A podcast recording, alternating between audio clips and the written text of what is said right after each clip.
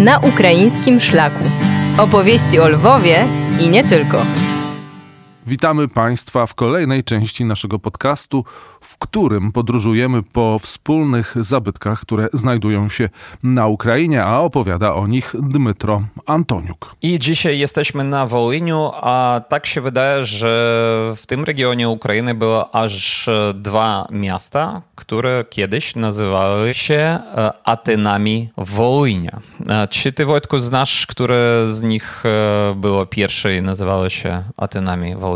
No, mi się przede wszystkim Krzemieniec kojarzył z racji Liceum Krzemienieckiego, ale chcesz zasugerować, że również Ostróg zapewne należy do tej listy. Dokładnie tak i o Ostrogu dzisiaj e, będziemy mówili. E, to miasto cieszy się dużą ilością zabytków naszych wspólnych, chociaż e, przez wieki od 1100 roku, kiedy była pierwsza wzmianka o tym mieście, dużo tych zabytków Ostróg stracił, ale dużo się zachowało. No, Ostróg oczywiście, sama nazwa sugeruje, że z tego miasta pochodzą Ostroscy, czyli jedna z najważniejszych E, rodzin e, szlachty ruskiej, e, prawosławnej, która już pod koniec jej istnienia przeszła na katolicyzm. I protoplastą w ogóle tych ostrowskich był Daniel Wasylewicz, który pochodził z Rurikowiczów Turowo-Pińskich i dalej jego syn Fedor Danilowicz rozbudowywał ten ostróg i co ważne, Fedor Danilowicz wobec jego pobożności, no, on był, powtórzę, prawosławnym i pod koniec życia on przyjął postrych po ukraińsku, stał się mnichem w Lawrze Peczerskiej w Kijowie i został tam pochowany w E, Peciarach e, i jest to znany za świętego. E, także on jest jednym z kilku przedstawicieli, których prawosławna cerkiew Ukrainy uważa za świętych, kilku przedstawicieli tego rodu. Dalej trzeba wspomnieć oczywiście Konstantego Ostrowskiego, który był no, chyba najwybitniejszym no, wojownikiem. Tak? On był hetmanem wielkim litewskim i kilkakrotnie odnosił zwycięstwo nad wrogami E, Litwy i Polski i Rusi oczywiście, e, bo on pochodził z ruskiego rodu. W ogóle tutaj e, my widzimy na przykładzie Ostroga, jak są powiązane tak naprawdę nasze narody ukraiński, czyli ruski, polski i litewski. Konstanty Ostrowski wznowił zamek swoich przodków, który był założony jeszcze pod koniec XIV stulecia. Z tego zamku zachowała się e, tak zwana wieża murowana albo donżon. I to jest jeden z najstarszych naprawdę zamków ukraińskich. On e, chyba, Konstanty Ostrowski też e, wybudował wieżę okrągłą, e, która e, sąsiaduje z e, wieżą murowaną. Z tym zamkiem też związana jest niesamowita historia Halszki z Ostroga. W polskiej literaturze ona jest znana z książki Halszka Józefa Kraszewskiego. Często jest nazywana Elżbieta z Ostrogskich, chociaż była zawsze też prawosławna. Ona była córką Eliasza Ostrowskiego, Ilii Ostrowskiego, który, e, który zmarł po tym, jak był pokonany w turnieju z królewiciem Zygmuntem, przyszłym królem Zygmuntem Augustem. Po prostu z ran odniesionych e, w pojedynku e, na tym turnieju zmarł Ilia Ostrowski. I Halszka Ostro z Ostroga, jego jedyna córka, została no, jedną z najbogatszych e, po prostu w królestwie i w Wielkim Księstwie Litewskim. Wielu było ochotników do jej ręki. Mając 16 lat,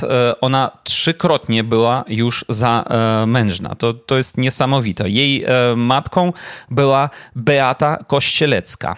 E, I ta akurat Beata nie chciała wydawać ją za na przykład za Dymitra Sanguszka, ale tak się stało. A dalej ona jeszcze była żoną e, słudzkiego księcia Semiona i w końcu oddana była Łukaszowi Górce, bo tak chciał król. Wobec tego, że Halszka odmówiła jednak pożycia z Górką, to on zamknął ją w wieży zamku w Szamotulach i być może ona wobec tego postradała zmysły. Teraz, e, kiedy mm, przyjeżdżają turyści do Zamku Ostrowskiego, to opowiadają o tym, że czasami biała dama, biała pani pojawia się w podziemiach e, tej wieży murowanej i to jest akurat Halszka z Ostroga. A czarna pani w szamotułach pojawia się i to jest znów Halszka z Ostroga. A jeszcze e, w trzecim miejscu ona też pojawia się jako widmo i to jest akurat e, dominikański klasztor w Lwowie, gdzie ona też e, przebywała w swoim czasie. Dalej trzeba oczywiście wspomnieć o Konstantym Wasylu Ostrowskim. E, to był, to był stryj tej halszki z Ostroga. Ostatnie swoje dni po tym, jak zmarł Górka, ona spędziła akurat w Ostrogu i tam została pochowana podobnie. Konstanty Wasyl Ostrowski e, założył w Ostrogu um, słynną Akademię Ostrogską w 1578 roku i za trzy lata e, po tym tam została wydrukowana znana Biblia Ostrogska e, w starocerkiewnosłowiańskim języku. Jeden z tych pierwszodruków znajduje się dzisiaj też w Ostrogu w Muzeum Książki i Drukarstwa w byłej bramie łódzkiej z przełomu XV i XVI wieków. Też wybitny pomnik, wybitny zabytek z tych czasów. W ogóle za Konstantego Wasyla Ostrowskiego Ostróg no, miał największy e, okres rozwoju i wtedy działało w Ostrogu też ariański i kalwiński zbór. Też trochę później e, był w Ostrogu meczet, bo syn Konstantego Janusz albo Iwan Ostrowski Ostrowski, który był pierwszym i ostatnim, bo on był ostatnim w rodu Ostrowskich, przeszedł na katolicyzm, to on sprowadził do Ostroga Tatarów i z tamtych czasów pozostała też częściowo bardzo ciekawa, wyremontowana teraz brama tatarska w Ostrogu. Oprócz tego w Ostrogu działały też Żydzi i mieli tam swoją wielką synagogę, która też przetrwała i też w ostatnich czasach została bardzo fajnie wyremontowana. E, ta synagoga, wielka synagoga, pochodzi z przełomu XVI i XVII wieku. Oprócz tego trzeba wspomnieć, że ze Strogiem związana jest postać e, Anny Aloizy E, Chodkiewicz z Ostrowskich, e, Chodkiewiczowa. Ona była żoną słynnego hetmana i zwycięzcy z Podchocimia Jana Karola Chodkiewicza. Ona akurat e, przywoziła, to niezwykła historia, jak po jego śmierci ona przywoziła jego ciało z, sobą wszędzie, bo akurat był okres wojen kozackich i żeby chronić ciało swego zmarłego bohaterskiego męża, to ona przywoziła jego wszędzie z sobą i on, e, jego ciało było w kilku miejscach w Ostrogu, a dalej było w Jarosławiu też e, i w innych też miejscowościach, ale w końcu znalazło się znów e, w Ostrogu, w jezuickim kolegium, który Anna Aloiza założyła w pierwszej połowie XVII wieku. Ten kolegium nie przetrwał niestety, ale, ale był po prostu przepięknym i na starych rycynach, na, na starych archiwalnych zdjęciach my widzimy jego nawet pozostałości, jego ruiny i nawet te ruiny są imponujące, ale jeszcze w XIX wieku on był całkowicie zniszczony, ale co ważne, jego krypty, jego podziemia tego jezuickiego kolegium jeszcze są w Ostrogu i czekają na e, swego badacza. One są zamknięte, ale e, my wiemy, gdzie oni znajdują się. Mm, trzeba powiedzieć, że ostatni e, z Ostrowskich, Janusz Ostrowski, był też e, jednocześnie założycielem e, słynnej ordynacji ostrowskiej, która obejmowała 24 miasta i prawie 600 wsi.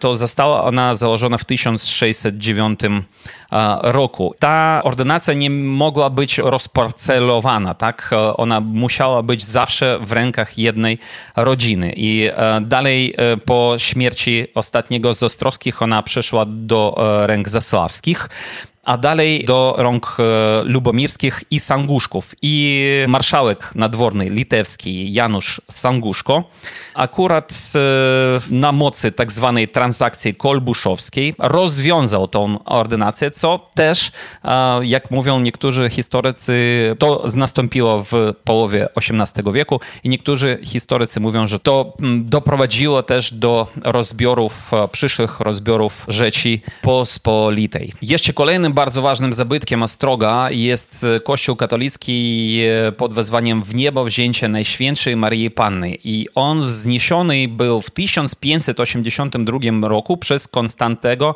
Wasyla Ostrowskiego, chociaż on był, e, przypominę, prawosławnym. E, I dalej przez wieki on był też, on e, zmieniał swój kształt i po ostatnim pożarze był odbudowany w obecnym neoklasystycznym stylu. I teraz e, jest e, jedną z najważniejszych ośrodków Kościoła rzymskokatolickiego na Wołyniu.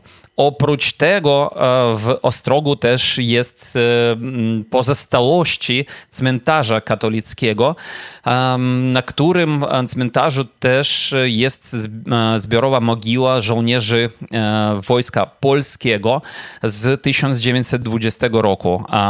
Akurat pod Ostrogiem skutecznie bronili się Polacy. Doszło do bitwy 7 lipca 1920 roku, kiedy Polacy udało się im wycofać z Ostroga w kierunku Dubna. I tu kończymy naszą opowieść o Ostrogu. Dmytro Antoniuk opowiadał Państwu o wspólnych zabytkach, które znajdują się na Ukrainie, a w czasie tej barbarzyńskiej fazy rosyjskiej agresji nie znamy dnia ani godziny, kiedy któryś z nich może ulec zniszczeniu. Opowiadał Dmytro Antoniuk, a ja nazywam się Wojciech Jankowski. Podcast na ukraińskim szlaku, opowieści o Lwowie i nie tylko, powstał we współpracy z Instytutem Polonika, który prowadzi projekty o charakterze konserwatorskim, naukowo-badawczym, edukacyjnym i popularyzatorskim. Poznaj zasoby danych o polskim dziedzictwie za granicą. Odkryj bogactwo polskiej kultury na baza.polonika.pl.